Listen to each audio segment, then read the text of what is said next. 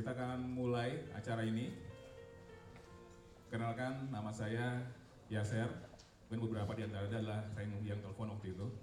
Saya bagian dari Institut Humor Indonesia kini. Maaf kalau saya agak mirip sama Pak Jaya Pak ya. Untung nggak kacamata, kalau kacamata makin gitu saya mau. Dan juga ada rekan saya Nama saya Nofrita atau biasa dipanggil Nofri. Mungkin dari bapak atau ibu ada yang pernah konfirmasi ke saya. Ini orangnya. Ya, dan kita akan segera mulai acara kita hari ini.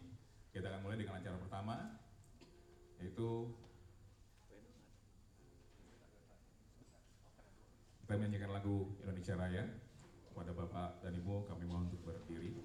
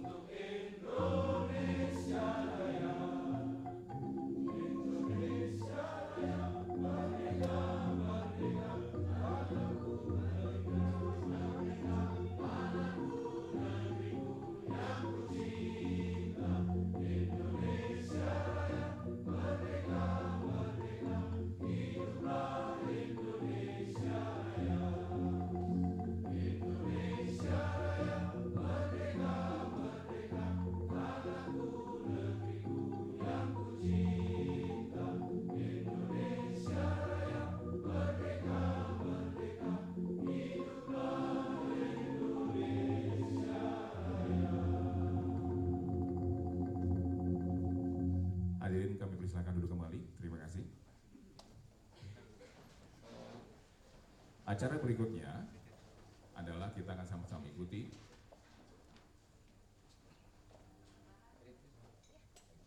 Persembahan dari uh, puisi pembacaan puisi dari Romo Sandiawan disertai dengan uh, Sanggar Ciliwung.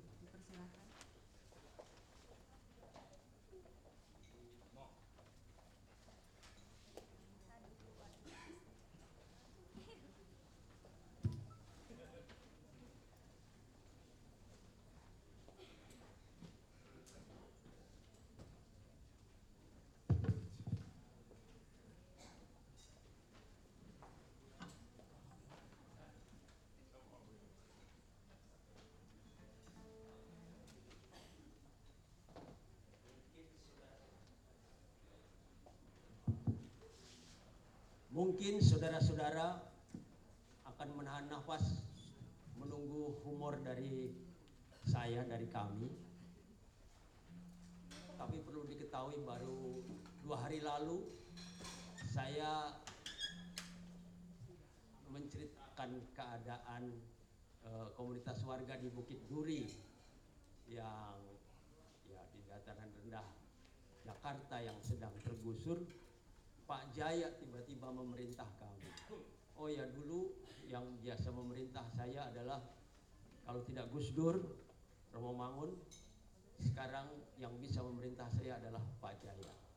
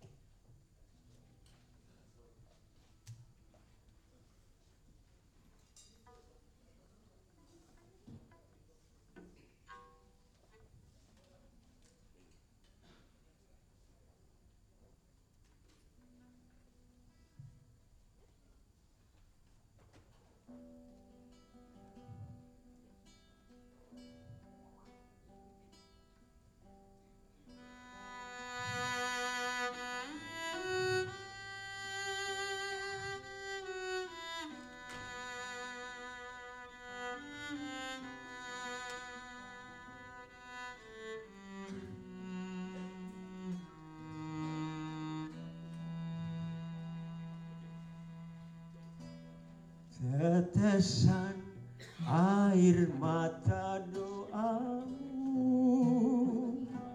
Lantunan puisi nyanyianmu Mengangkat sunyi duka citamu. Ke surga Tuhan segala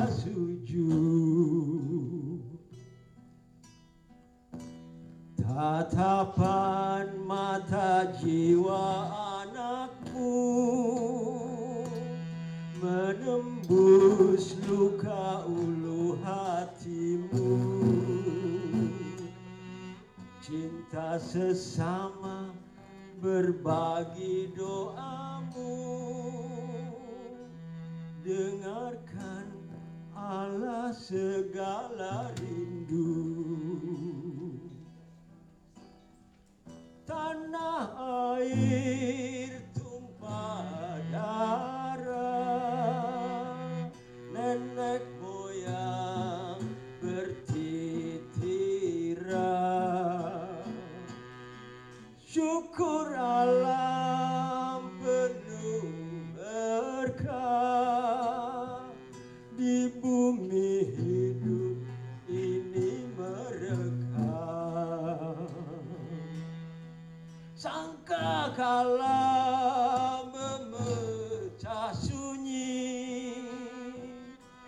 Nafas bumi serasa terhenti. Mengapa mesti kami menjadi Pengungsi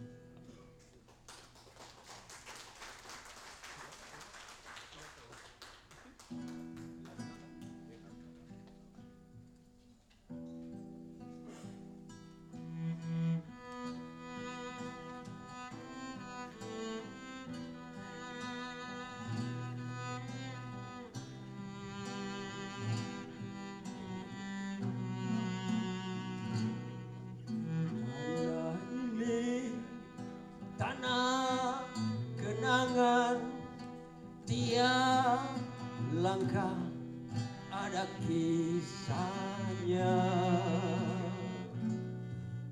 Tanah ini tanah kehidupan. Tiap jengkal ada nafasnya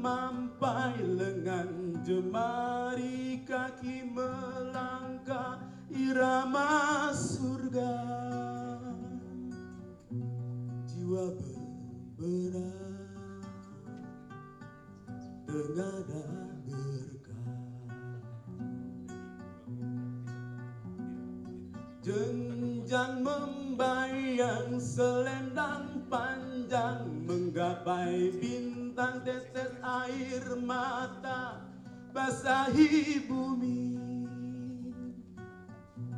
Nyanyi sama di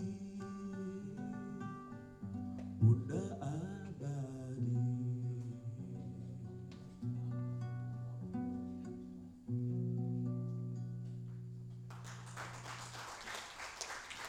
Terima kasih. Terima kasih.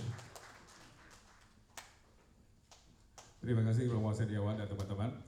Sekarang kita akan masuk ke acara berikutnya. Kami mohon kesediaan Bapak Seno Gumira Aji Dharma untuk mewakili HIK untuk menyampaikan segala hal. Dipersilakan Pak Seno. Terima kasih. Saya kira kita harus tepat ya, karena udah telat. Jadi saya nggak akan mau panjang kecuali terima kasih atas eh, kedatangan, kesediaan, terutama kesediaan untuk berpikir. Saya kira negeri ini sangat perlu sangat serius. gitu. Dan eh, ya saya ingin agar Institut Humor Indonesia ini itu dibantu dengan ide, dengan semangat, dan eh, kami berusaha memberikan bantuan apakah untuk penelitian apakah penerbitan eh, selama apa eh, kualitasnya kualitasnya sesuai dengan keseriusan kita. Jadi saya hanya bicara itu dan saya persilahkan eh, pihak IHI ya saya di situ juga ya tapi yang membuat acara ini ada untuk juga bicara terima kasih Terima kasih Mas Gumira Aji Dharma.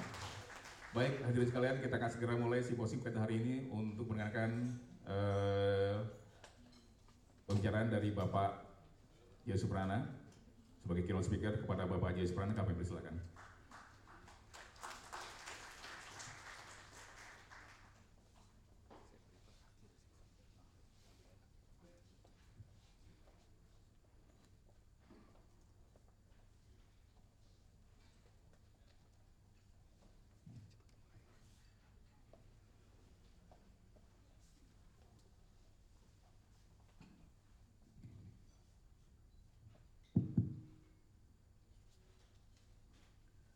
Salah satu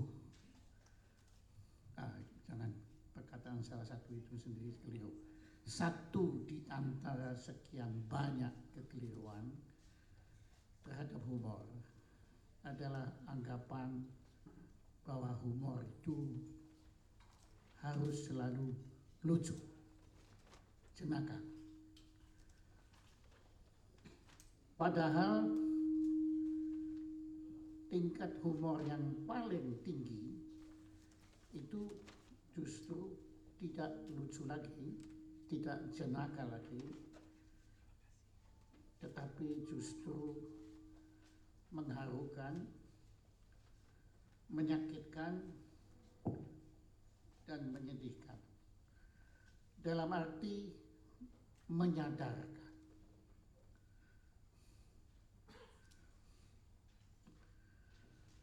Selaras dengan mazhab cogito ergo sum, saya berpikir maka saya ada, maka pada hakikatnya dapat diyakini bahwa cogito humor sum. Saya berpikir maka humor ada. Hanya pada mereka yang memiliki kepekaan nurani, adil dan beradablah yang mampu menyadari bahwa humor adil dan beradab hadir pada puisi ciptaan Sandiawan Sumardi yang diciptakan setelah terjadinya humor tidak adil dan tidak beradab pada pelayangan SP1 terhadap warga Bukit Duri. Padahal pengadilan negeri sedang memproses gugatan warga Bukit Duri terhadap penertiban yang akan dilakukan oleh eh, terhadap mereka. Humor paling tidak adil dan tidak beradab akan benar-benar tampil pada saat penggusuran Bukit Duri benar-benar dilaksanakan. Padahal majelis hakim sudah mengimbau penggusur untuk menunda penggusuran. Sangat mudah mendeteksi humor tidak adil dan tidak beradab. Humor tidak adil dan tidak beradab mudah ditemukan pada saat gelak tawa Kurawa pada waktu mengusir Pandawa dan Drupadi dari Indraprasta. Pada saat gelak tawa Hitler membantai Yahudi, Turki membantai Armenia, Serbia membantai Bosnia, Stalin membantai bangsanya sendiri, para warga Indonesia membantai sesama bangsa Indonesia pasca G30S. Gelak tawa politisi mengecoh rakyat dengan janji-janji surga di masa kampanye dan kemaharajalelaan buli-buli di medsos masa kini. Semua itu adalah humor tidak adil dan tidak beradab. Lebih sulit mendeteksi humor adil dan beradab, namun bukan berarti mustahil. Humor adil dan beradab hadir pada kisah Yesus Kristus ketika dihadapkan dilema penghakiman terhadap seorang pelacur.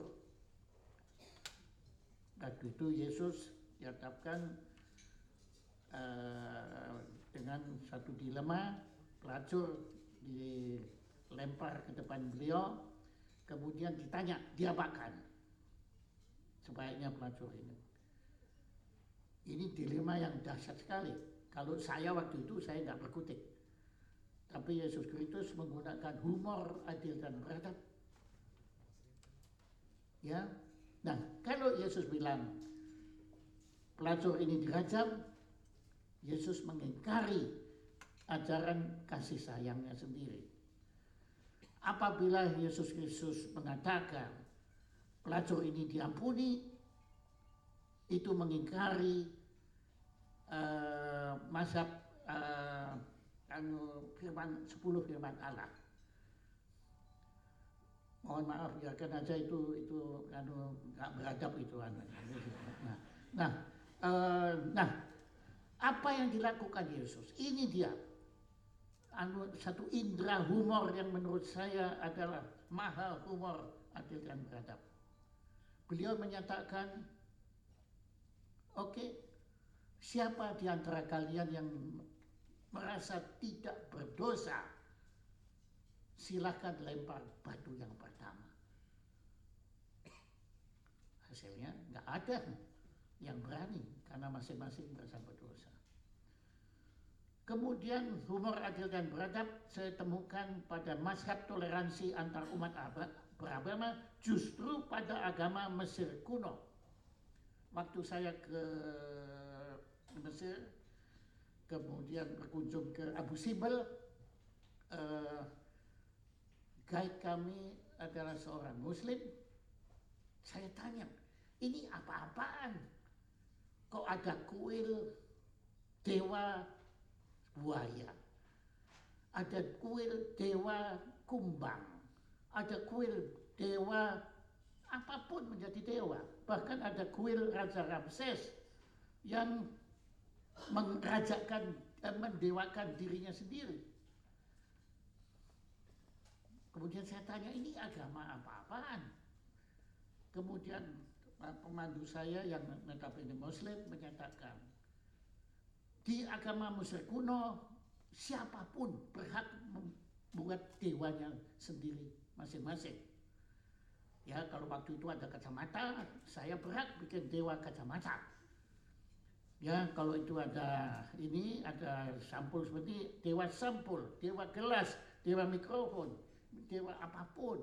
Ya dan apalagi dewa Sarlito Wirawan itu sangat penting ya sebenarnya. Dilon juga tentu ya itu ya. Semua berhak didewakan adalah hak setiap insan untuk menciptakan dewanya sendiri. Wah, saya hebat sekali. Tapi ada syaratnya. Ini dia. Saya tanya apa syaratnya? Anda kata saya bilang dewa saya adalah dewa kacamata, dewa beliau adalah dewa topi pet beliau, ya, dewa Pak Sarlito dewa tongkat, Pak Rano, eh, Pak Dilon dewanya soban. Oke, tapi saya tidak diperkenankan, tidak diperbolehkan mengatakan bahwa dewa kacamata saya lebih hebat ketimbang dewa sorban beliau. Dan dia beliau tidak boleh bilang bahwa dewa sorban beliau lebih dari dewa anu. Dan semua jadi tidak dibolehkan. Menurut saya ini humor yang luar biasa sekali. Humor adil dan beradab. Andai kata humor adil beradab ini kemudian merata di seluruh dunia sampai masa kini, nggak ada itu kekerasan dengan alasan agama.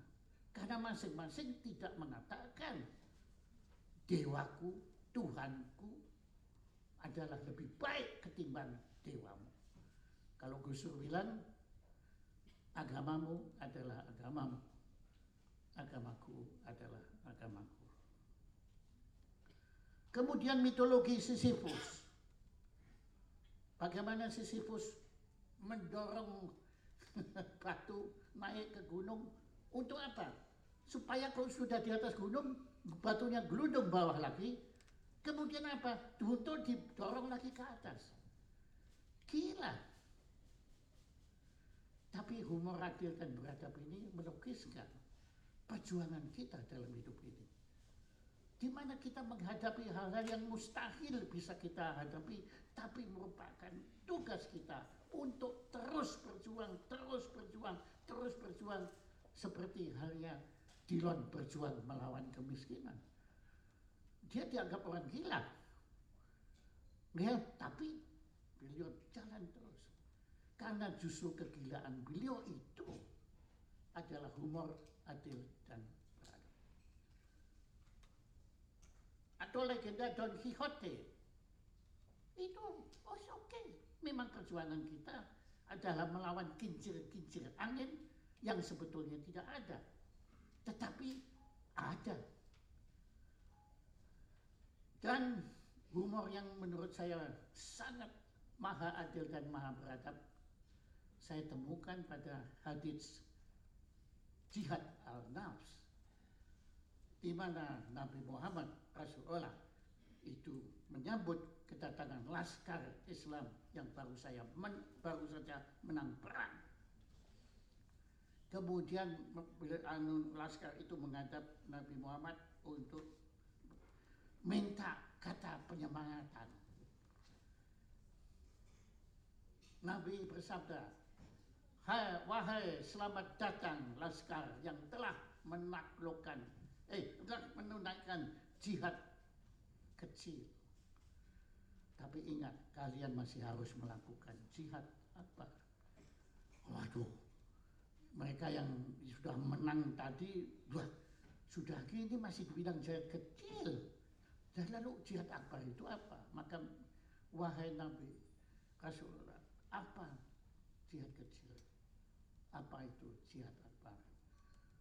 Jihad kecil adalah yang telah kalian lakukan, yaitu menaklukkan musuh-musuh kalian. Jihad akbar adalah jihad al-nafs, yaitu menaklukkan dirimu sendiri. Saya tidak pernah bisa melupakan humor yang adil dan beradab yang demikian indah.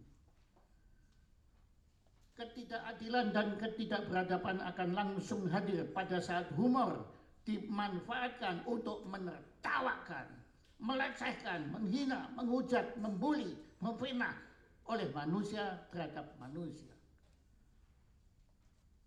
Humor adil dan beradab akan langsung hadir pada saat humor dipersembahkan oleh manusia untuk menertawakan dirinya sendiri atau menjunjung tinggi harkat dan martabat manusia. Seperti tadi tersirat di dalam puisi puisi Sandiawan Sumardi. Dan humor adil dan beradab hadir hari ini di ruangan ini pada diri Anda semua karena Anda bersama mencari humor adil dan beradab untuk dipersembahkan kepada umat manusia ini. Selamat bersimposium. Terima kasih.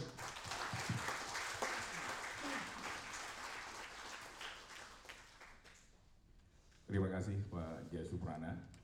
Baik hadirin sekalian, kita akan segera memulai acara simposium untuk hari ini, tanggal 8 September 2016 di Jaya Suprana School of Performing Art. Ya, kita akan segera panggil moderator dan para pembicara untuk panel yang pertama. Untuk itu, silakan rekan Mafrita. Kami persilahkan Bapak Moderator Bapak Wimar Witular untuk menempati. Kemudian kami juga panggilkan Bapak Dedi Miing Gumelar untuk maju ke depan. Tepuk tangan dong. Kemudian jauh-jauh datang dari Jerman Bapak Pipit Kartawijaya dipersilahkan Bapak Pipit. Selanjutnya Bapak Rocky Gerung. Dan yang terakhir adalah Bapak Muhammad Sobari. Tepuk tangan dong.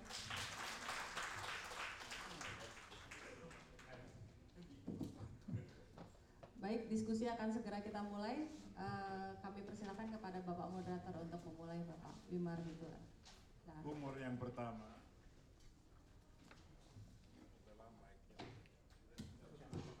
Oh, umur yang pertama adalah saya menjadi moderator tapi tidak tahu acaranya.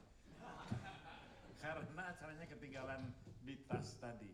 Ibaratnya saya bisa minjam acaranya. Saya hanya tahu yang bicara Pak Pipin, Pak Dedi, Pak Rocky Gerung, dan Ibu Edi. Eh, mana ya? Ya, ya. Oh, oleh? Oh, bukan salah saya dong ya Pak Subari. Bukan salah saya, saya tidak menyebut Pak Subari. Itu humor pertama. Humor kedua bahwa walaupun saya sering sekali dulu ketemu Pak Jaya Suprana, tapi sampai sekarang nggak gitu ngerti gitu ya. Tapi sangat menghargai. Saya anggap Pak Jaya itu sangat lucu dan juga sangat pinter dan sangat pinter main piano. Yang mana yang lebih penting saya nggak tahu ya. Mungkin budayanya. Anyway, saya berterima kasih saya diundang. Saya pikir saya sudah tidak diketahui hidup matinya. Padahal saya sering ada di berbagai mall ya. Tapi sudah tidak pernah beredar di dunia budaya humor adil maupun humor tidak adil. Yang jelas saya tidak ikut humor tidak adil ya Pak Dilon ya. Ah, jadi Pak Dilon adalah referensi moral utama. Sama kalau dia bohong, surbannya copot. Nah, jadi saya terima kasih diundang dan juga diundang sebagai moderator. Karena moderator tuh kalau tidak bicara apa-apa, dikira memang tidak ingin menonjolkan diri ya. Nah, jadi biar mempersilahkan eh, kawan-kawan berbicara. Ini ada permintaan menjadi nomor dua nih Pak Deddy Gumelar. Saya heran biasanya orang minta nomor satu, ini minta nomor dua tuh berdasarkan apa? Daftar calon atau tanda gempa? Saya mau lihat dulu sebelumnya ngomong apa. Oh, saya beruntung, so, saya bisa dengar semuanya ngomong sebelum saya juga ngomong ya. Nomor satunya siapa? Barangkali Pak Sobari karena beliau adalah pujaan saya karena waktu beliau jadi kepala biro antara dan juga sudah pujangga, ada satu keahlian yang orang tidak tahu bahwa dia tuh mijitnya sangat oke. Jadi kalau saya datang sama Gus Dur dan Gus Dur bicara kadang-kadang kita ngantuk, tapi kalau Pak Sobari yang mijit itu lebih cepat ketidurannya. Walaupun agak sakit ya. Nah, jadi barangkali kita mulai dengan Pak eh, Sobari untuk kemudian saya simpulkan, kalau perlu, kalau tidak perlu ya saya pulang aja ya. Jadi bagaimana Pak Sobari? Saya sudah baca sih makalahnya. Eh ada makalah ya? Ketahuan bohong. Muhammad Sobari.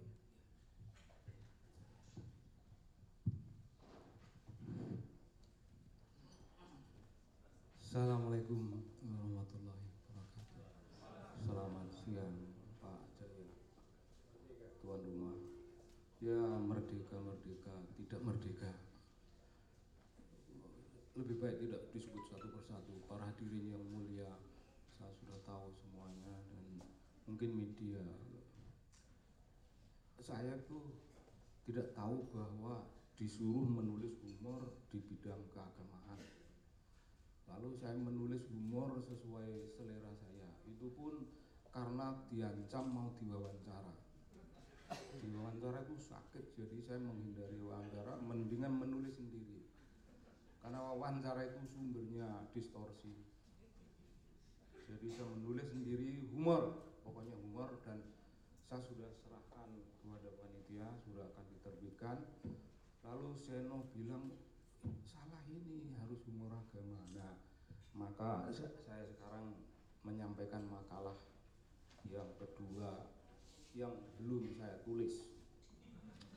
Jadi ngomongnya agama, para hadirin saya kira tahu ya kalau agama itu tidak mengenal humor, saya kira kacau sekali agama itu. Dia hanya menjadi seperangkat aturan fikih yang biasanya mengancam. Memang itu ada berita gembira, tetapi ada ancaman. Jadi gembira dan ancaman itu sesudah gembira atau pada saat gembira itu sudah langsung terancam. Gembira, dus ancamannya sudah ada di sana. Lalu hukum-hukum fikih itu jadinya di tangan manusia di muka bumi itu menjadikan agama tanpa Tuhan jadinya karena agama adalah peraturan itu sendiri. Tuhannya di mana? Tidak pernah hadir. Nggak ada mitologi nggak ada humor nggak ada. Lah agama tanpa Tuhan itulah agama tanpa humor. Tadi agama tanpa senyum. Lah agama tanpa senyum itu isinya apa?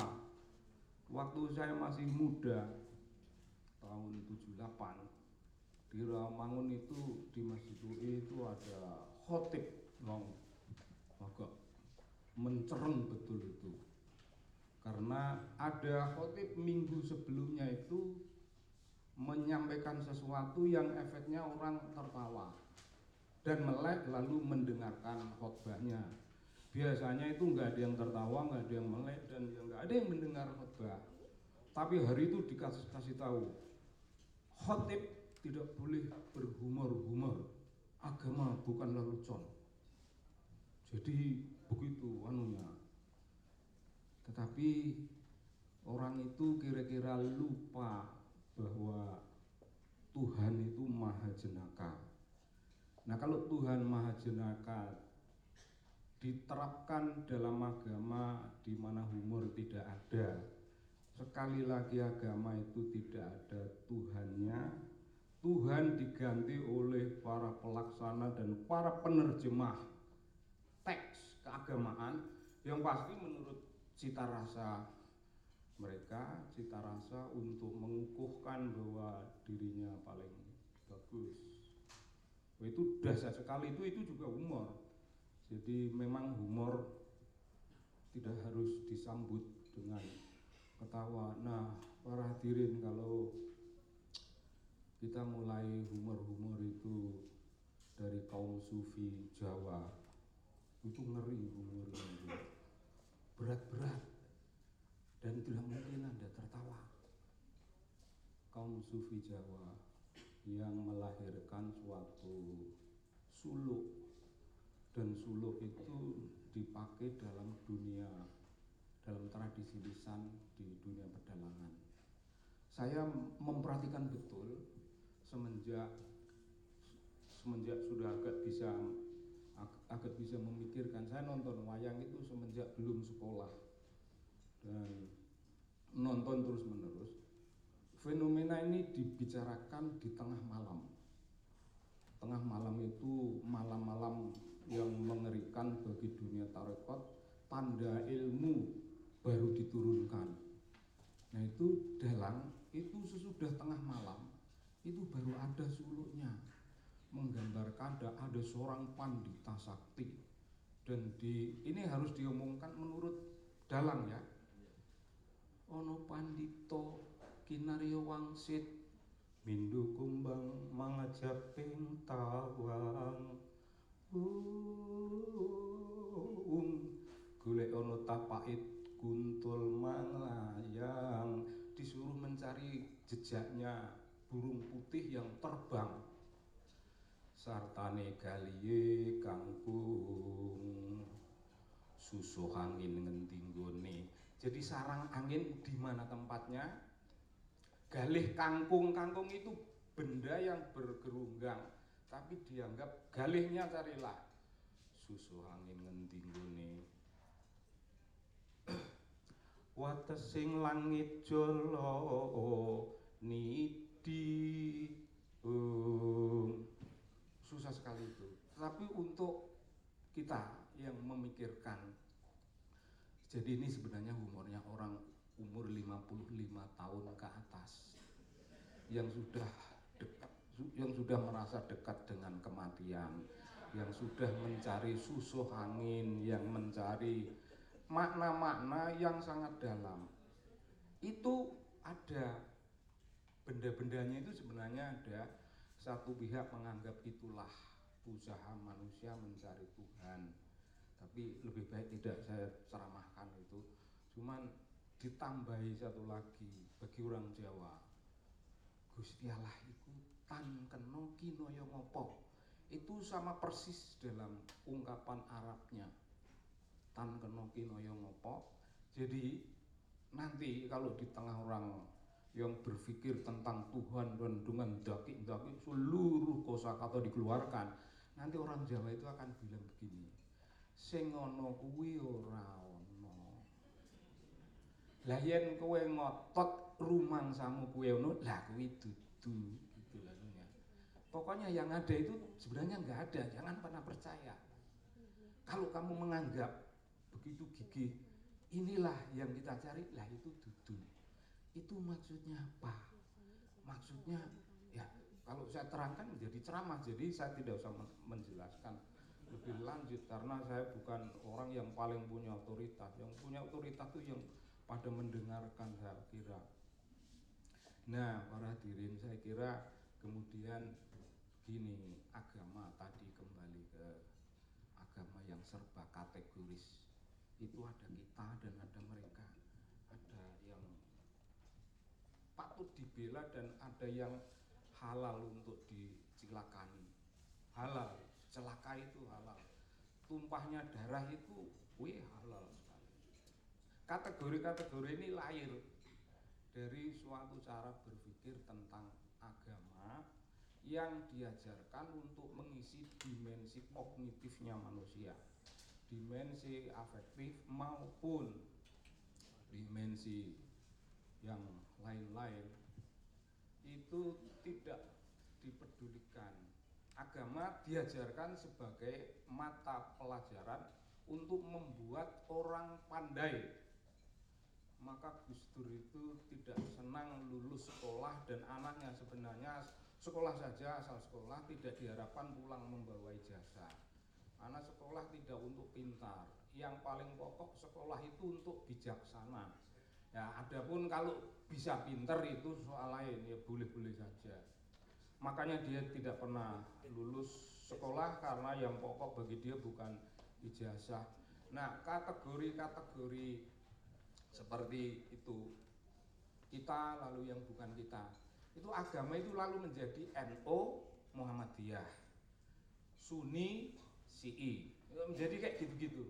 Menjadi menarik begitu dengan warna-warni yang di dalamnya itu mungkin sebenarnya ada wisdom cinta ketika ketegangan NO Muhammadiyah itu dianggap penuh kedengkian saya bilang tidak orang Muhammadiyah itu sayang kepada NO jangan sampai terlampau jauh menjauhi teks-teks keagamaan dan jangan terlampau akomodatif kepada cita rasa Jawa.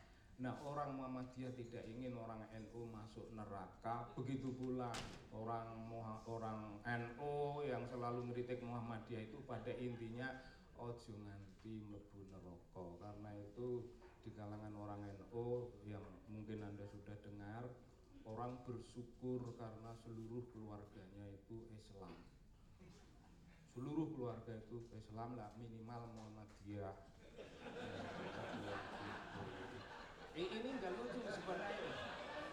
Ini nggak lucu. Karena kategori-kategori sosial seperti ini getir satiris sangat satiris. Hidup ini penuh satiri yang yang mengoyak mengoyak rasa keadilan rasa kemanusiaan dan sebagainya. Yuk bayangkan kalau yang bukan NU itu ya agama ya minimal kayak gitu. Itu kalau dengar orang Muhammadiyah. Tapi ada kiai NU namanya itu kiai wali yang menyembunyikan kewaliannya. Tidak pernah menampakkan diri sebagai wali. Ada anak yang ngata-ngatain Muhammadiyah itu dibentak sama dia. Kok kira kalau kau sudah NU itu mesti benar jadi ada pihak yang secara mendalam memperhatikan bukan pada ukuran-ukuran kapan organisasi lahir kepentingannya apa dan lain-lainnya tetapi pada hal yang paling substansial. Nah saya kira kemudian ya ini saya anggap agama. Agama Jawa tadi itu juga agama. Yang paling penting nanti agama itu bagi hadirin itu kalau ngomongnya Islam kan kira-kira saya itu deg-degan betul belum lama ini saya diajak berbicara di forum tentang seni dan religi.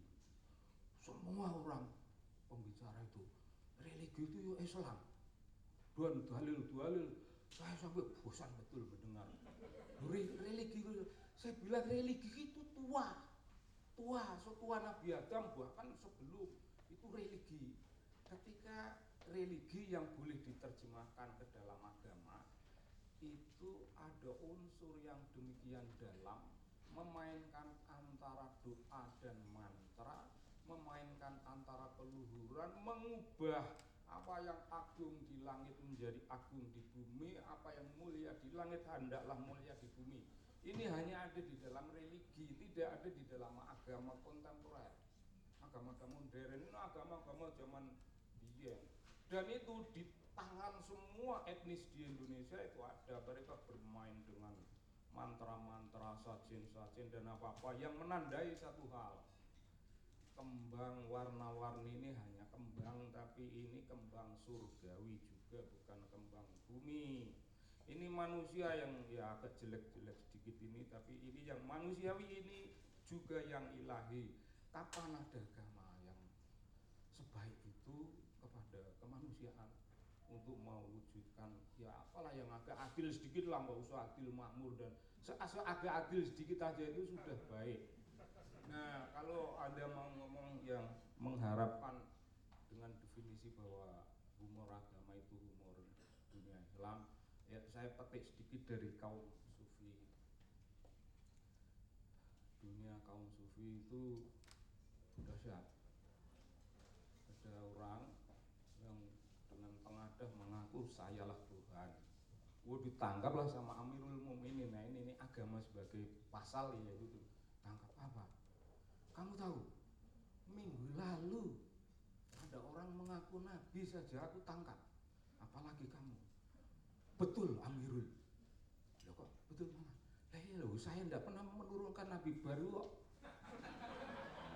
Jadi ya benar kamu tangkaplah.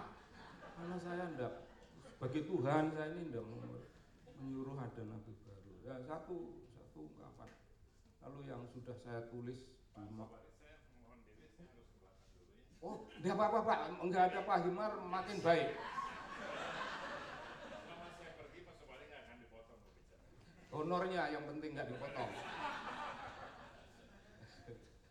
Eh, kecuali yang itu, itu ada yang saya bisa tulis. Itu ada anjing itu lapor kepada Tuhan. Ya Tuhan apa? Ya, saya ditendang sama bapak jubah putih. Siapa? Ya itu di belakang dipanggil. Kenapa kamu tendang dia? "Ah, dia nyokot nyobek jubahku kok. Aku tendang katanya. Nah, Tuhan Tuhan betul-betul tidak memihak dalam hal ini. Ya kenapa kamu gigit surbanya sampai subit nih? Nah, saya dengar dia itu sufi. Saya kira kalau sufi itu terus tidak marah. Gitu. Tapi saya ditendang gitu. Jadi ini loh, rupanya humor itu ada juga yang bermaksud menjungkir balikkan hal-hal yang agak sakral, hal-hal yang suci, yang yang sudah mapan dalam hidup. Dah, nah, kiai iki mesti apik apa ora? Apik wong jalanan gitu. Iya, untuk saya tidak mau taken for granted bahwa nek kiai iki mesti apik ora. Ya mohon maaf. Bukannya mau apa-apa. Dia ngapusi ya. Pas turun ngapusi saya belum tahu apakah ada mungkin nggak ada moga-moga Lalu, ini saya kira orang tahu semuanya ini bagaimana kan yang Nabi Musa alaihissalam sebagai nabi itu membentak seorang gembala karena di berdoanya itu agak serampangan Tuhan kemarikan kasutmu biar aku bersihkan. Doa-doa yang sangat personal. Nabi sebagai ya Nabi Musa itu Nabi fakih Nabi hukum keras urusan urusannya dan ya golongan umat yang ngeyel dalam kitab gitu. Jadi kata ngeyel itu bukan dari saya itu kata dalam kitab supaya anda jangan salah paham. Saya takut ini kalau ada orang fakih. Nah dibentak. Kenapa kamu berdoa dengan cara yang tidak sopan gitu? Wah, anak ini lari terbirit-birit takut tuh Nabi. Tapi Musa langsung ditegur Tuhan. Musa, kamu itu Nabi loh. Tugasmu mendekatkan umat kepadaku. Lah kok itu sahabatku malah kamu bentak, kamu usir. Itu juga bagian dari perlawanan terhadap kemapanan cara berpikir dan orang biasa dianggap tidak punya otoritas apa pun padahal Tuhan sendiri yang mengukuhkan otoritas itu ada sejenis dengan itu ada murid yang diajari berdoa untuk bisa ngambang di atas air. Murid ini wah nggak fasih. Lidahnya keluh dan ingatannya pendek tapi hatinya baik. Gurunya bosan terus pergi. Tanpa doa gurunya pergi di atas air lari ke sana Ah, tidak lama kemudian muridnya lari di atas air itu dan melancangi gurunya guru guru apa doanya tadi saya lupa gitu. Wis perlu donga le nek kowe wis iso wis biasa suwi. Eh, kayak gitu-gitu itu mengejek-ejek kayak gitu dan begitu banyak begitu banyak kitab-kitab umpamanya Arabia al Adawiyah itu dianggap rajanya kaum sufi barangkali terutama kaum sufi perempuan dia sering dahsyat. Uh, generasinya sama dengan Hasan Basri Rabia itu pada siang hari yang terang di kota Balk itu membawa obor dan berjalan melewati orang banyak. Orang bertanya ada apa? Aku mau membakar neraka gitu Dan saya ya, kita berpikir dia mau membakar neraka tentu ada persoalan buku itu ya hanya itu di buku itu hanya sekeping itu. Kita harus menemukan dalam humor sufi di kitab yang lain. Ada warisan para aulia dia menyebutkan itu. Lapor kepada Tuhan kalau engkau ingin menghadiahi aku surga Tuhan lebih kalau kalau engkau ingin menghadiahi aku surga ah, berikanlah surgamu itu pada para sahabatmu tapi kalau kau mengancam aku dengan ancaman neraka ya kasihkanlah itu pada musuh-musuhmu nah aku adapun aku aku tidak butuh kedua-duanya tidak sedang memperjuangkan kedua hal itu. Saya sholat bukan karena takut nerakamu. Saya sholat bukan karena mengharap surgamu. Tapi saya sholat itu karena saya harus sholat. Jadi untukku bukan apa-apa, bukan surga neraka. Perkenankan aku itu selalu dekat dengan kamu. Sudah, permintaannya itu sederhana. Ada sufi dipanggil oleh Amirul Mukminin, "Mam, sini. Eh, pertapa. Pertapa sini." Datang, tapi dia minta penjelasan. Tunggu dulu, siapa yang pertapa? Ya kalah yang pakaiannya rumbeng-rumbeng tidak kau yang yang pertapa karena dalam hidup engkau cuma mengharapkan suatu kerajaan duniawi yang fana ini sedangkan aku mengharapkan kerajaan yang abadi siapa yang pertapa. Pertapa itu sultan raja. Begitu banyak al adawiyah memberikan kisah-kisah. Waktu Hasan Basri ini soal friendly kepada hewan-hewan. Hasan Basri itu datang. Pada saat Al Adawiyah sedang dikerumuni oleh aneka macam binatang termasuk ayam liar apa segala rupa.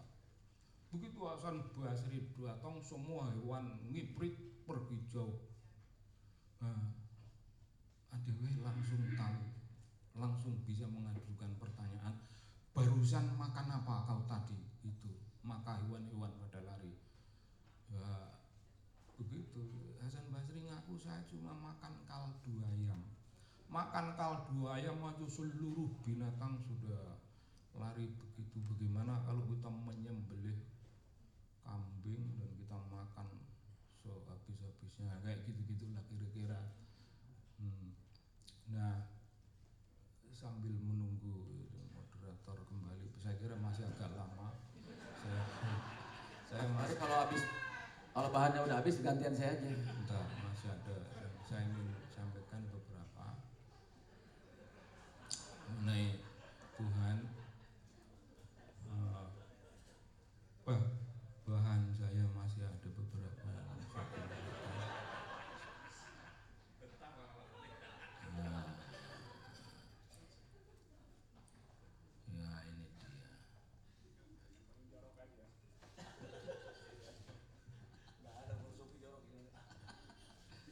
Ya, saya kira agak baik kalau saya akhiri dan saya akan menjadi moderator bentar untuk mempersilahkan. Ada yang lebih lucu dari nomor satu.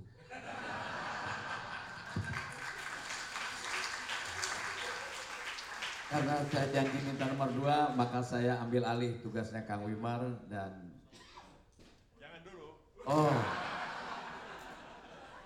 Nyaris saya ambil alih Kang Wimar. Udah saya tunggu deh. Ah, udah beralih ke belakangnya kan. Iya betul. Saya, saya kak buka kembali untuk anda supaya nanti bisa menutup sebaik-baiknya. Jadi Hasan Basri itu kembali ke Hasan Basri, dia itu mamer, dia membentangkan sajadahnya di atas air. Dia mau sholat. Wah Dawiyah bilang Sri, ojo pamer. Nah, Dawiyah bentangan sajadahnya di awal-awal terus dia loncat situ terus ayo sini kalau bisa terus dia dikasih tahu apa lebihnya orang bisa mengambang di air Wong selembar daun kering saja ngambang apa kamu akan sama dengan daun kering ya, itu itu pak kira-kira Betul betul ya. Ditinggal setengah jam masih tajam eh, pesannya. Sebetulnya saya tuh sangat senang ketemu Bang Sobari bicara agama karena bersama dengan Gus Dur ini dua orang guru agama saya. Ya saya nggak ingat apa-apa, cuman bers- bersama Anda dan Gus Dur saya tuh merasa tenang dan memang sejuk dilindungi oleh agama. Kalau mereka sedang tidak ada, apalagi banyak bully-bully di sosmed, saya tuh sampai pernah kabur ke Bali segala ya karena dikejar oleh orang yang kurang mengerti humor saya atau yang menganggap humor saya tuh tidak adil, memang mungkin tidak adil.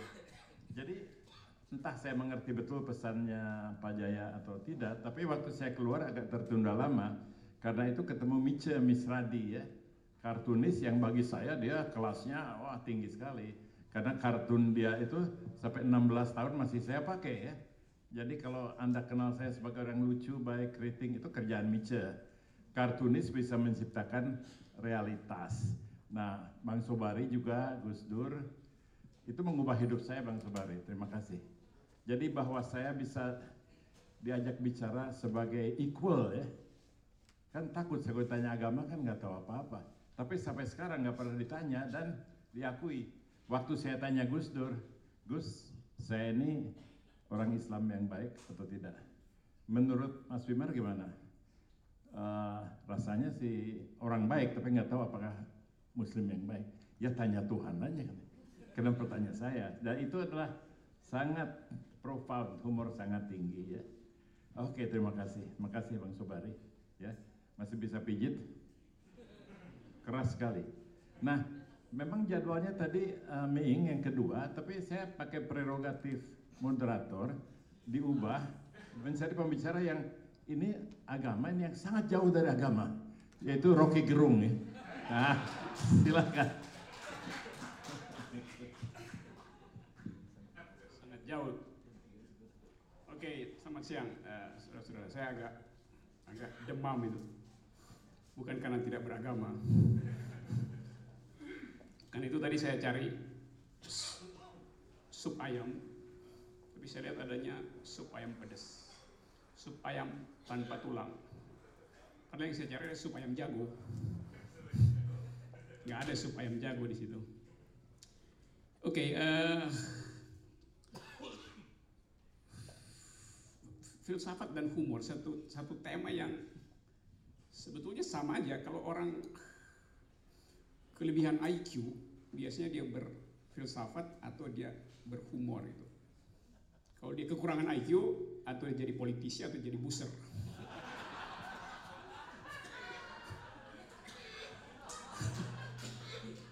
Dan saya percaya bahwa eh, ini saya cerita saya tentang negeri anta berantah bukan bukan di sini itu. Dia udah nggak di situ ya. Nah kalau kalau jumlah IQ kita di sini saya kumpulin, terus saya tuker tambah dengan 560 yang ada di Senayan DPR, pasti masih ada kembaliannya di sini.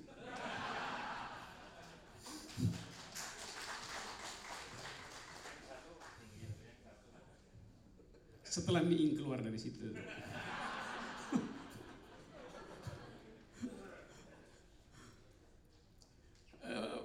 Filsafat itu tugasnya adalah mempertahankan akal sehat. Humor tugasnya adalah mempermainkan akal sehat. Jadi kualitasnya sama sebetulnya untuk mempertahankan akal sehat supaya logiknya uh, koheren, bersih reasoningnya. Orang memerlukan IQ. Demikian juga kalau dia ingin kutak-katik kecerdasan, dia memerlukan lebih dari sekedar cerdas. Jadi orang yang humoris, dia pasti IQ-nya melebihi 560 orang yang ada di DPR. Tapi dalam sejarah filsafat ada peristiwa-peristiwa tragis. Saya kasih contoh cepat-cepat. Ada seorang ahli semiotik, ahli interpretasi tanda, atau ahli hermeneutik, sama aja. Namanya Roland Barthes. Sangat terkenal di Prancis tahun-tahun 60-an. Suatu waktu dia lagi makan siang bersama dua temannya. Yang satu adalah Michel Foucault, seorang uh, strukturalis mempengaruhi pikiran politik, psikologi, sosiologi. Makan siang dengan Michel Foucault sambil menunggu seseorang yang kemudian jadi presiden, jadi perdana menteri Prancis namanya namanya uh, Mitterrand. Jadi mereka bertiga makan siang di situ. Saya nggak tahu dia makan nunggu sup ayam jago atau uh, yang pedas itu. Setelah makan siang, mungkin bicara teks amnesti. Uh, si Roland Barthes ini sang filsuf pamit buat ngajar. Lalu dia nyebrang jalan dan dia ditabrak oleh mobil box mobil laundry meninggal dia di situ. Semua orang bersedih karena kita kehilangan seorang ahli semiotik dunia. Tapi sekaligus orang tertawa karena seorang ahli semiotik, seorang ahli tanda gagal membaca sinyal lalu lintas. Itu beda tipis antara Anda bersedih atau Anda mau tertawa. Tapi parodi sebetulnya setara dengan filsafat. Jadi nggak uh, ada batas antara filsafat dan humor. Dua-duanya menggunakan reasoning dan dua-duanya berupaya untuk menipu reasoning itu. Kalau sekarang mungkin uh, saya nggak tahu di di istana apa ada pertemuan rutin antara presiden dan para filsuf. Di Prancis dulu zaman Mitterrand setiap dua minggu sekali setiap sore ada pertemuan antara presiden dan akademisi, filsuf terutama. Karena Mitterrand doyan untuk nyari sensasi di dalam abstraksi politiknya melalui fasilitas filosofi itu. Nah di Merdeka Utara saya nggak tahu karena rupanya di sana uh, lebih senang orang uh, minum minum kopi sore bersama domba daripada dengan intelektual. Karena itu di sana banyak banyak kodok berbulu domba sekarang di di istana itu. Tapi ini uh, catatan kaki aja. Nah, di dalam cara kita melihat humor, kadang-kala kita ingin mencari bagian yang lucu dari situ dengan memperhatikan reverse logics. Jadi humor sebetulnya adalah upaya untuk mempermainkan logika. Dan itu jauh lebih berat dari seorang logician, dia mempermainkan logics. Salah seorang yang pinter bermain bermain humor dengan mengutak-ngutik logik adalah uh, namanya Slavoj Zizek, seorang filsuf yang oleh majalah independen kalau nggak salah disebut sebagai filsuf yang paling berbahaya di Eropa itu. Karena dia bisa menghina apa aja dan orang merasa itu bukan hinaan tapi semacam kenikmatan uh, pikiran itu. Suatu waktu dia dia bercerita tentang uh, seorang pasien yang kena Alzheimer dan si dokter harus memberitahu pada si pasien bahwa dia kena Alzheimer, satu penyakit yang sangat uh, membosankan, bukan sekedar menakutkan, kan membosankan karena orang akan lupa banyak hal. Tapi si dokter mesti beritahu penyakit itu. Kalau dia langsung beritahu, si pasien pasti shock. Tapi si dokter punya teknik dia bilang begini, e, pasien Saya mesti beritahu berita baik dan berita buruk. Saya beritahu berita buruk dulu ya. Oke, kata pasien. Berita buruknya Anda kena Alzheimer. Terus berita baiknya?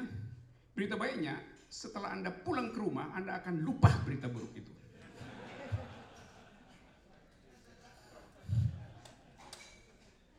Berita baik kita hari ini adalah BG, Jenderal BG.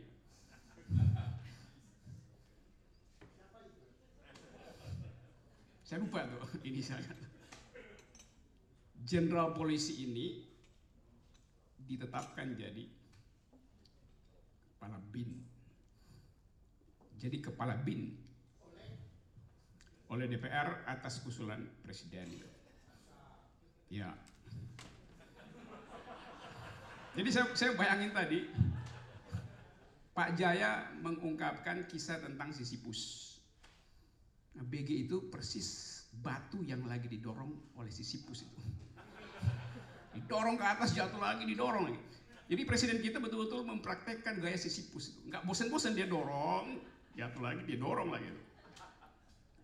Tuh. Ada orang lain, namanya Sis NS.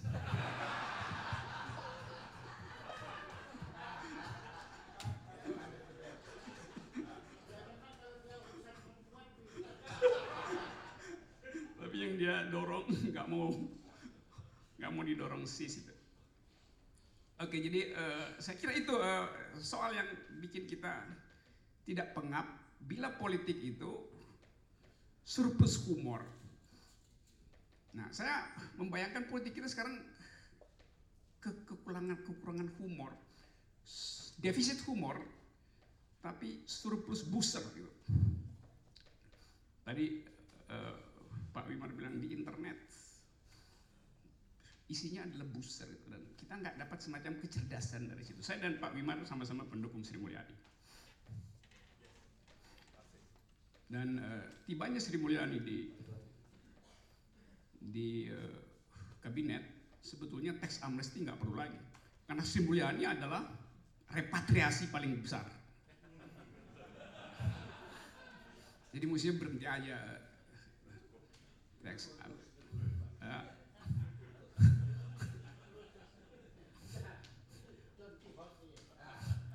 Dilon sebetulnya mau daftar juga di klub bertiga ini.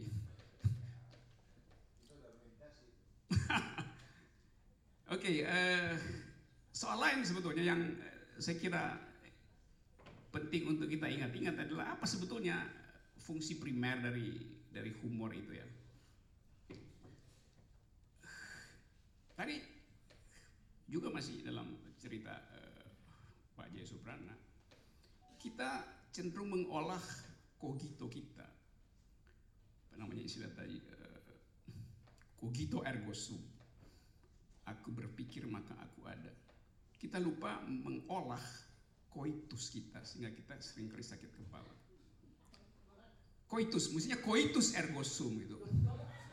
Aku koitus maka aku ada dilakukan dan itu yang saya mengusulkan supaya perbanyaklah coitus ergo sum berdampingan dengan cogito ergo sum. Jangan coitus interruptus. Tapi sebetulnya Pak Jaya, kalau orang itu coitus interruptus, dia cuma sakit kepala. Tapi kalau dia cogito interruptus, kepalanya hilang. Artinya orang yang nggak punya pikiran itu cogito interruptus. Nah, kalangan cogito interruptus ini sekarang lagi menguasai public sphere kita, menguasai uh, jalan pikiran publik. Anda lihat di YouTube seorang mahasiswa UI memaki-maki uh, saudara Ahok.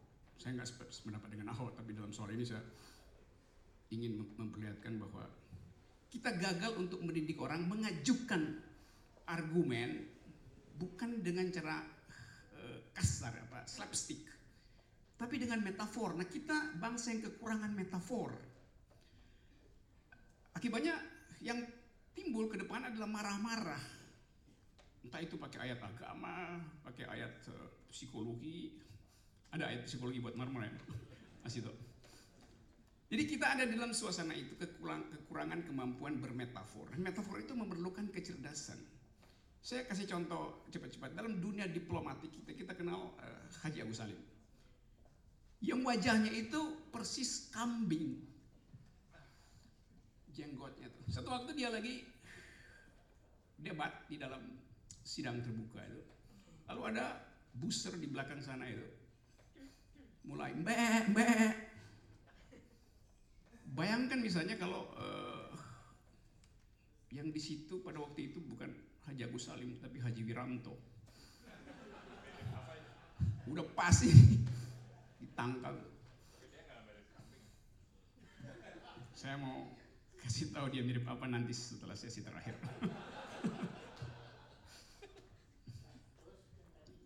Apa tadi ya? Oh Agus Salim, mbak, mbak, mbak. Haji Agus Salim tenang aja, dia cuma bilang begini, panitia, saya diundang dalam forum manusia, kenapa ada binatang di ujung sana? Tolong keluarkan dia. Jadi bayangkan kemampuan metafor itu tidak kita lihat di dalam forum politik hari ini. Artinya bangsa ini punya defisit akal karena surplus doa. Terlalu banyak berdoa itu sehingga kurang memanfaatkan metafor. Ya tadi Nabi tadi yang uh, diceritain oleh Saudara Sobari itu yang nyebrang yang uh, jalan kaki di uh, Danau Galilea kan namanya Yesus sebetulnya. Tapi sebetulnya Yesus pada waktu itu waktu dia mau nyebrang ditungguin muridnya aja dia jalan di atas air karena Gojek nggak ada waktu itu. dia pesan Gojek, Gojek yang nggak datang. Oke, tadi saya balik pada kenapa kita kemudian marah terus karena tidak dibiasakan untuk bercakap-cakap secara metaforik dalam tingkat humoris itu. Orang uh, jadi teroris bukan untuk teroris sebetulnya bisa bisa lucu supaya memikat uh, audiens tapi teroris kok kelihatannya bengis gitu ya. Teroris sama humoris sebetulnya beda-beda tipis itu. Dua-duanya menteror pikiran sehat tuh. Tapi motif si teroris kan mau masuk surga. Supaya bisa bertemu dengan 70 bidadari. 72 bidadari itu. Enggak 70, yang dua lagi operasi. Sesar. Bayangin ada 72 bidadari yang ditunggu di sana. Lah terorisnya udah lebih dari 72, mau ngapain di sana itu? Nggak bisa poligami. Jadi itu akan jadi perang di sana. Kalau teroris nunggu bidadari di sana. Apalagi kalau bidadarinya misalnya adalah para pengikut Sapo. Yaitu ratu lesbian dari pulau Lesbos. Gagal semua mimpi indah di akhirat. Kalau terorisnya pengikutnya Plato kan homo semua mereka. Kalau apa? Kalau pengikut teroris pasti nggak ngikut Plato, karena teroris nggak mau uh, false love gitu, nggak suka uh, cinta platonik. Mereka mau cinta yang benar-benar terasa secara uh, konkret gitu. Nah kita ada dalam uh, saya bilang dari kekurangan kemampuan bermetafor. Padahal metafor itu membimbing kita untuk menghasilkan uh, oksitosin itu. Bikin kita seperti orang kesurupan selesai orgasme. Orang yang uh, humornya bagus itu kenikmatannya melebihi orgasme sebetulnya kalau nggak percaya tanya psikolog itu. Multi, multi orgasme. Multi orgasme. Jadi uh, saudara-saudara ini saya udah pakai waktu lebih dari 10 menit karena janji 10 menit. Saya mau simpulkan aja dengan cara saksama dan dalam tempo singkat-singkatnya bahwa humor itu meningkatkan IQ nasional. Jadi kalau para petinggi kita gagal memproduksi humor, maka mereka sedang menurunkan IQ nasional. Maka mereka harus segera diganti. Terima kasih. Uh, anu sedikit uh, agak kurang setuju sedikit ya, ya betul, sebetulnya nggak setuju lah kalau pakai kurang gitu ya. memang nggak yaitu dalam hal Mas Miing. Ya.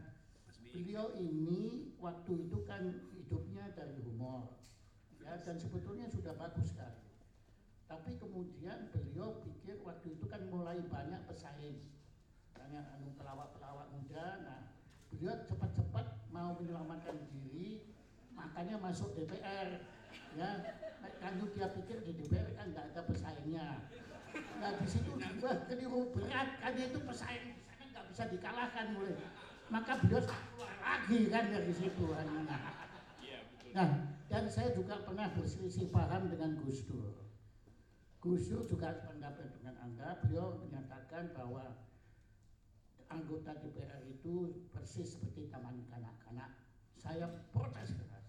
Saya nggak setuju karena itu adalah penghinaan untuk taman kanak-kanak.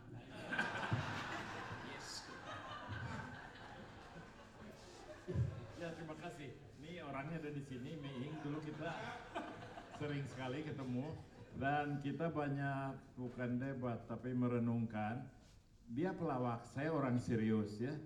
Eh, jadi apa lebih gampang bagi pelawak jadi orang serius atau orang serius jadi pelawak?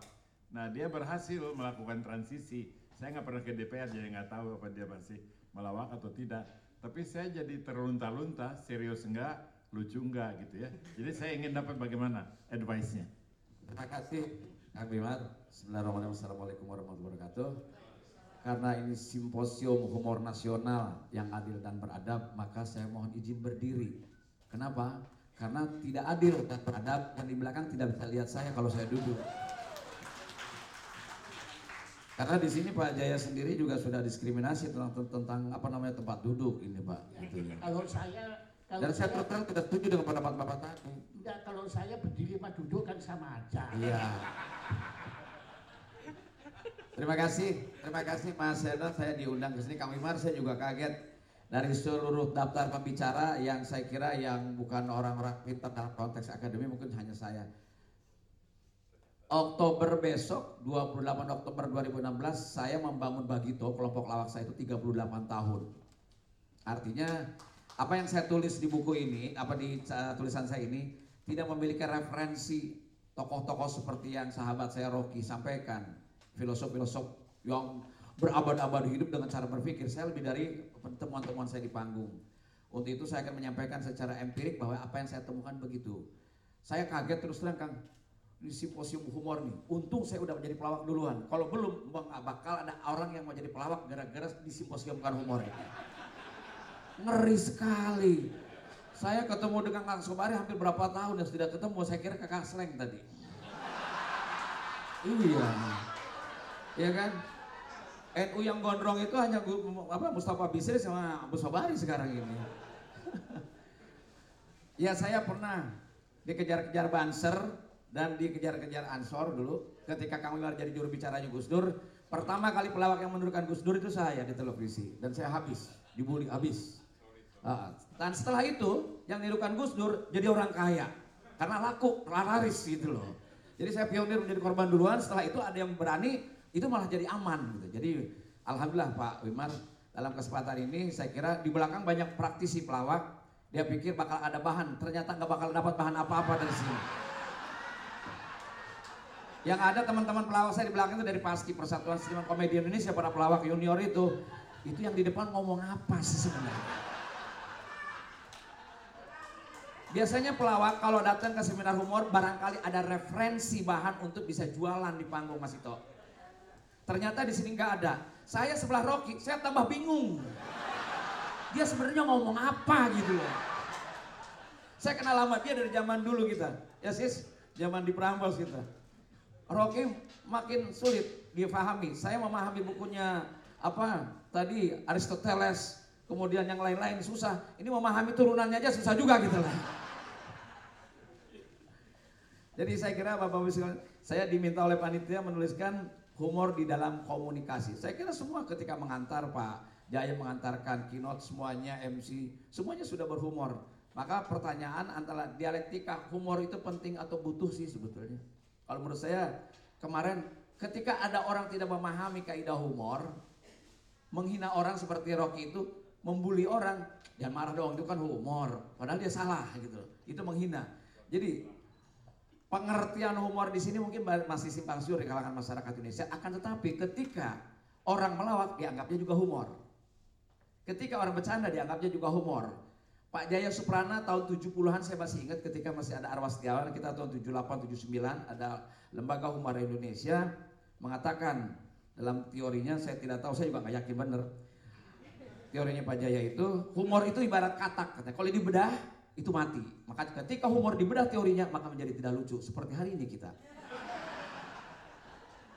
itu Arwah Setiawan mengatakan humor adalah serius Pak Wimar tadi betapa seriusnya ini sama dengan teks amnesti loh. Dia dirapatkan di istana, lalu konsultasi dengan DPR, lalu diundangkan. Tadi Rocky sudah mengatakan, apabila IQ orang-orang humor ini ditukar dengan DPR, maka masih ada kembaliannya. Ini ada cerita Rock. Saya ini kan dulu di, di panggung namanya Miing, hampir 30 tahun lebih. Jadi orang-orang, anak kecil, orang tua manggil saya karena apa? Makom dari pelawak di Indonesia itu dianggap martabatnya dalam dunia kesenian itu rendah. Padahal humor itu martabatnya tinggi. Coba lihat Ateng. Ateng itu orang tua almarhum. Eh Ateng, Ateng. Yang manggil anak kecil. Karena mungkin Pak Ateng kecil. Saya juga sama Kang Umar. Ming, Ming, Ming. Begitu saya jadi anggota DPR, tiba-tiba orang yang sama menyebutnya Pak Deddy Gumelar. Begitu saya tidak DPR lagi, dia manggil Ming lagi, balik lagi. Kan kurang ajar. Iya kan? Artinya bahwa Posisi kehormatan dalam konteks humor di Indonesia hanya terbatas pada lencana dan satu sosial orang. Bukan orang itu benar atau tidak benar. Saya kira itu humor lebih tinggi daripada apa yang ada sekarang ini. Setuju Pak Jaya? Kalau nggak setuju Bapak keluar. Jadi saya kira perhelatan ini menjadi penting. Paling tidak Mas Seno dan Mas uh, Dani, ini adalah sebuah investasi kita ke depan. Artinya paling orang tadi saya ingin menyampaikan bahwa humor dalam komunikasi mengapa Zainuddin MZ almarhum Kiai sejuta umat itu begitu digandrungi oleh orang? Dan setelah menghadiri pun ternyata umatnya nggak berubah juga perilakunya. Kenapa? Ih Zainuddin MZ gila lu bagus ya lucu lucunya yang dicari maka orang berduyun-duyun lalu apakah setelah itu naik motor kalau lampu merah berhenti enggak juga padahal habis maulidan nah ini saya kira jadi orang mengejar Apakah dia mengejar tuntunannya tentang agama apa karena memang mengantar dia dengan cara humor? Maka humor itulah menjadi apa? Menjadi alat komunikasi yang paling canggih. Pimpinan daerah akan mudah diterima kebijakannya oleh rakyatnya apabila dia equal, lucu, menyampaikannya dengan lentur. Saya dulu Pak Jaya di de, uh, maju ke DPR dari Banten satu Pandeglang dan Lebak itu karena saya berdialog dengan masyarakat dan masyarakat ceria. Padahal mereka tertipu oleh saya seperti Pak Jaya bilang. Tertipunya bukan soal kebijakan loh. Disangkanya saya mau ngasih uang seperti caleg yang lainnya, padahal saya cuma ngasih hiburan doang. Jadi caranya karena kenapa uang uh, biaya uh, kampanye saya lebih kecil dibanding yang lain, bukan karena pada saat itu saya dikenal. Saya cuma nongkrong di pasar, makan minum cendol. Lalu orang berkerumun, miing ya? Iya, dua orang. Miing ya? Minta foto dong, foto tiga orang, empat orang. Lebih dari 40 saya ceramah. Saya akan nyalon bawah. Itu 40 orang. Orang lain untuk mengumpulkan 40 orang itu harus ngongkosin orang-orang di daerahnya itu. Itu bedanya. Jadi saya kira di dalam komunikasi sebagai pengantar humor di antaranya salah satu contoh misalnya keagamaan. Jainuddin MJ lalu diikuti juga oleh yang lain-lainnya. Contoh ke Agim. Saya kira ilmu agama akan menjadi standar ketika dia pesantrennya sama, ilmunya sama mungkin ya. Akan tetapi bagaimana dia mengantarkan atau delivery ya ya Rock, bagaimana menyampaikan pesan itu melalui humor saya kira jauh akan lebih efektif. Nah saya sebagai praktisi sebut saja pelawak lah dulu. Kenapa saya kembali lagi sekarang pelawak dan begitu dari mulai besok tahun uh, Oktober 2016 ini Kang Wimar kita reuni kembali, kita akan muncul kembali mudah-mudahan dan ini promosi awal. Dan saya kira ya company atau perusahaan mana pun kalau memang mau karyawan yang cerdas begitu yang dipanggil saya kira ini. Satu hal gini Rok, ke mana kenapa saya ke, kemarin masuk ke DPR Pak Jaya betul. Itu memang salah. Memang saya juga salah jalan karena belum waktu itu belum ada uh, Google Maps sama Waze belum saya pakai Pak. Jadi saya masuk ke sana. Dan setelah itu saya membaca satu kisah dan mendengar dari, dari Kang Wimar katanya di Amerika ada seorang uh, mahasiswa bertanya pada profesornya Prof saya ingin menjadi komedian why not dia bilang silakan lakukan kalau saya gagal minimal jadi politikus berarti humoris itu kastanya makomnya lebih tinggi dari politikus. Setelah saya sadar saya balik lagi ke sini gitu loh. Orang boleh salah ya, Eh, oleh orang eh, apa namanya orang itu boleh salah karena dia manusia, tapi nggak boleh bohong. Nah untuk itulah saya jujur Pak Rocky bahwa saya lima tahun punya pengalaman di sana. Kalau anda bilang tadi IQ-nya eh, rendah DPR saya kira nggak juga. Artinya bahwa dia juga tinggi ya. Kenapa? Kalau dia tidak tinggi, dia tidak mungkin ada di sana loh. Iya kenapa? Dengan segala macam dia berusaha untuk bisa menang dan sebagainya, dan sebagainya saya kira di situ ya. Termasuk tadi yang membohongi masyarakat itu. Kalau gue enggak loh Rock ya. Nah, kembali ke soal komunikasi bahwa peran serta instrumen humor ini memudahkan, memuluskan, lalu apa namanya bisa menerima orang. Saya kira sudah terbukti. Bukan hanya agamawan atau dai atau siapa pun dia, termasuk para pejabat. Seyogianya apa yang Rocky bilang tadi untuk meningkatkan kecerdasan seseorang harus diasah. Nah, saya baca teorinya Pak Jaya juga. Setiap manusia sesungguhnya punya rasa humor. Hanya rasa humornya tergantung apakah terasah, apakah dia terdidik, apakah dia berpengalaman. Jadi dalam hal ini kalau orang tidak memiliki rasa humor bukan hanya tidak bisa mendelivery, bahkan dia tidak bisa menerima. Nggak bisa dia tertawa kalau nggak punya rasa humor. Saya baca dan Bapak udah lupa bikin, makanya saya juga nggak yakin bahwa itu dari Bapak itu. Iya. Iya. Saya maklum itu kan tahun 80-an, Pak. Iya. Bapak masih di Jerman itu juga ngomongnya. Iya. Jadi dalam hal ini saya kira banyak hal yang paling penting untuk kita sekarang. Humor adalah merupakan katarsis kalau menurut saya. Ventilasi lah. Ventilasi dalam kepengapan. Contoh begini. Tahun 80-90 Bagito itu populer mengisi acara senyum sejenak di televisi Mas Ito. Dan kita sudah pada saat itu Pak Dilon sudah sudah bersatir waktu itu, sudah mel- melakukan kritik sosial. Dan kalau ada orang-orang sekarang berhumor satir, saya kira bukan sesuatu yang aneh karena sangat liberal. Dulu kami dalam paradigma ketakutan. Bagaimana saya punya pengalaman melawak di hadapan Presiden Soeharto. Itu sebelum melawak kita sudah stres lebih dulu. Saya lagi siaran di radio Pak Dilon, ditelepon oleh Seknek, saya pikir telepon itu mau minta lagu. Cepetan jangan bercanda lo, mau lagu apa? Ini saudara Bing, siap. Saudara, mau manggung tanggal 22 Desember. Oh, Bapak dari mana? Protokol Presiden. Wah, baru saya kaget. Saya pikir mau minta lagu, kan kita penyiar dong. Saudara akan bahannya seperti apa? Waduh, belum kepikir Pak. Tolong ambil pulpen dan kertas catat. Tidak boleh ini, tidak boleh itu, tidak boleh itu. Wah, kalau gitu saya pidato aja, terserah saudara menerjemahkannya. Nah, kan begitu Pak, itu zaman dulu itu. Dan ketakutan ini saya sampaikan di depan Pak Harto dan Pak Harto tertawa. Kita bersedih, tertekan. Mungkin Pak Harto nggak ngerti maksudnya.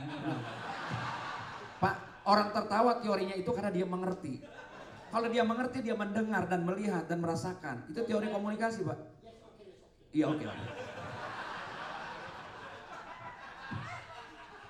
Keynote speaker kok jadi penyanggah itu loh. Ini humornya ya. Kita mau bilang apa? Gedungnya punya dia. Makan yang menyiapin dia. Yang ngebiayain acara Pak Jaya.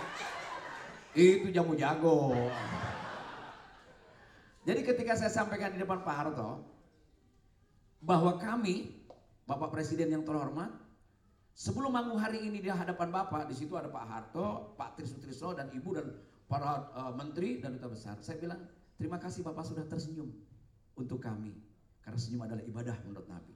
Senyum Pak Harto, semain jenderal. Dan kalau Bapak sempat tertawa, maka itu adalah amal jariah untuk Bapak lebih besar. Sebab Bapak, kalau saya bicara di sini, Bapak diam saja kanan kiri Bapak tidak berani apa-apa. Dan Pak Harto mangguk-mangguk begitu. Jadi kami dua minggu sebelumnya itu sudah stres. Dan saya sampaikan, Bapak Presiden, kami hari ini manggung di hadapan Bapak. Dua minggu yang lalu kami tiga kali ke dokter jantung karena kami stres. Iya, dan itu saya sampaikan Bu Edi. Nah, betul-betul. Terima kasih, terima kasih begitu kan. Nah, saya, nah humor pada saat itu kita sudah bicara. Dan mall pertama kali, saya kira yang ngetop itu adalah Pondok Indah Mall. Tahun itu, tahun saya lupa, sebelum jatuh 4 tahun sebelumnya, 2006 lah. Atau 2005 begitu. Saya bilang, saya orang Betawi miing nih Pak, Pak Presiden. yang populasinya tinggal sedikit tergusur atas nama pembangunan. Ternyata Pak Harto ngomong itu nggak apa-apa. Cuman itu yang di pinggir-pinggir kurang liatin saya. gitu. Menteri Dalam Negeri Yogi SPM tegang. Yang lain tertawa dia tegang, takut nih. Suryadi Suryadirja juga gubernur tegang. Karena dia yang bawa saya. Pak Suryadi itu yang minta. Karena Ibu Tin yang minta. Ya. Saya habis darah dari kuburan engkong saya di Pondok Indah Mall. Dulu itu kuburan engkong saya. Terima kasih atas nama pembangunan kuburan engkong saya adem. Pakai AC. Hmm. Tapi Bapak Presiden waktu saya jarah, waktu saya baca Al-Fatihah, waktu bismillah saya di bawah, begitu amin saya di atas, nggak tahu saya ja- jarah di tangga jalan. Dan Pak Harto tertawa ternyata. Nah, tertawa. Terlepas dia ngerti atau tidak ngerti Pak Jaya, saya nggak ngerti. Yang penting dia paling tidak menghormati para pelawak itu sebagai presiden. Tapi kasihan.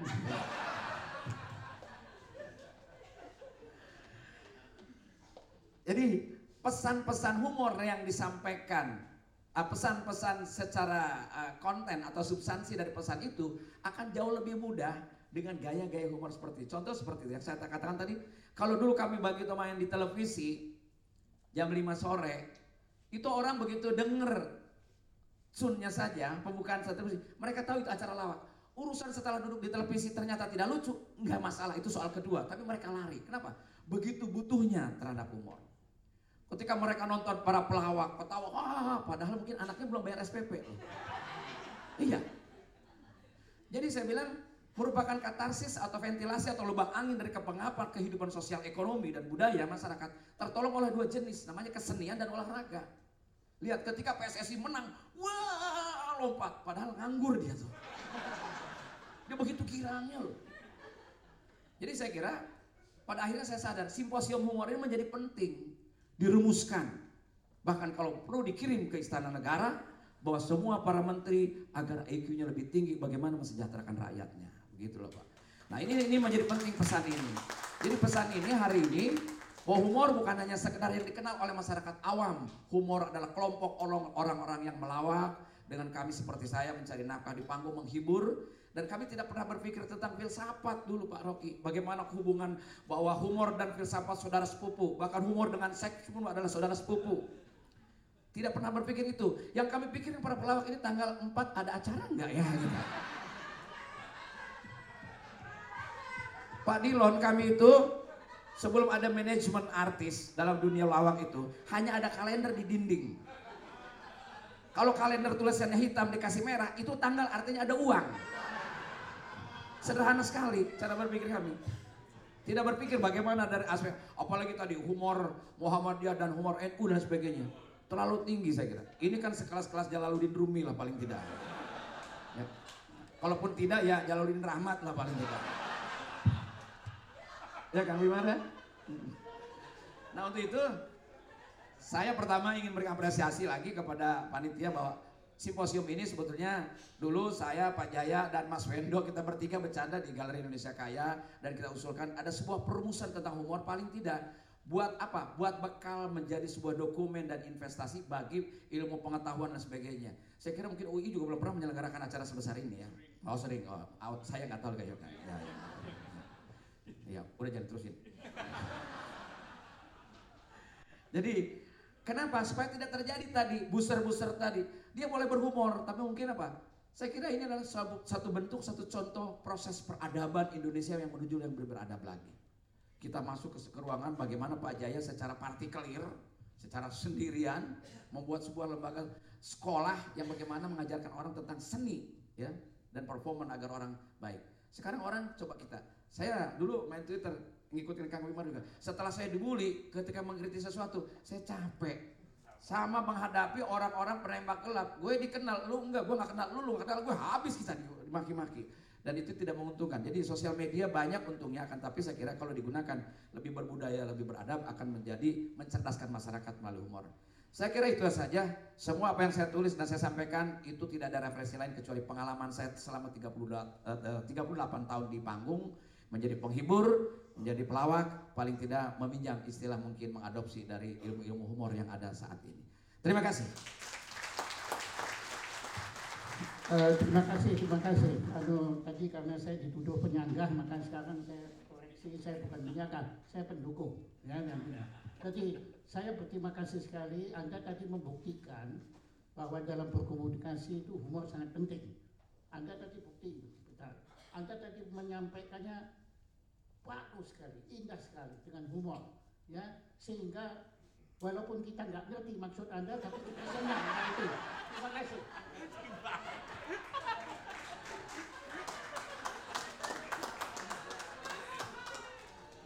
Mas, mas, ada pertanyaan kedua. Kalau itu warkop kan ada yang ini sekarang warkop apa? Anu, apa? Ribon. Apa? Ribon. Ada nggak? Anu itu Bagito Ribon. Eh, setelah warkop ribon mungkin bagi itu akan rebonding. Jawaban telak. Ya.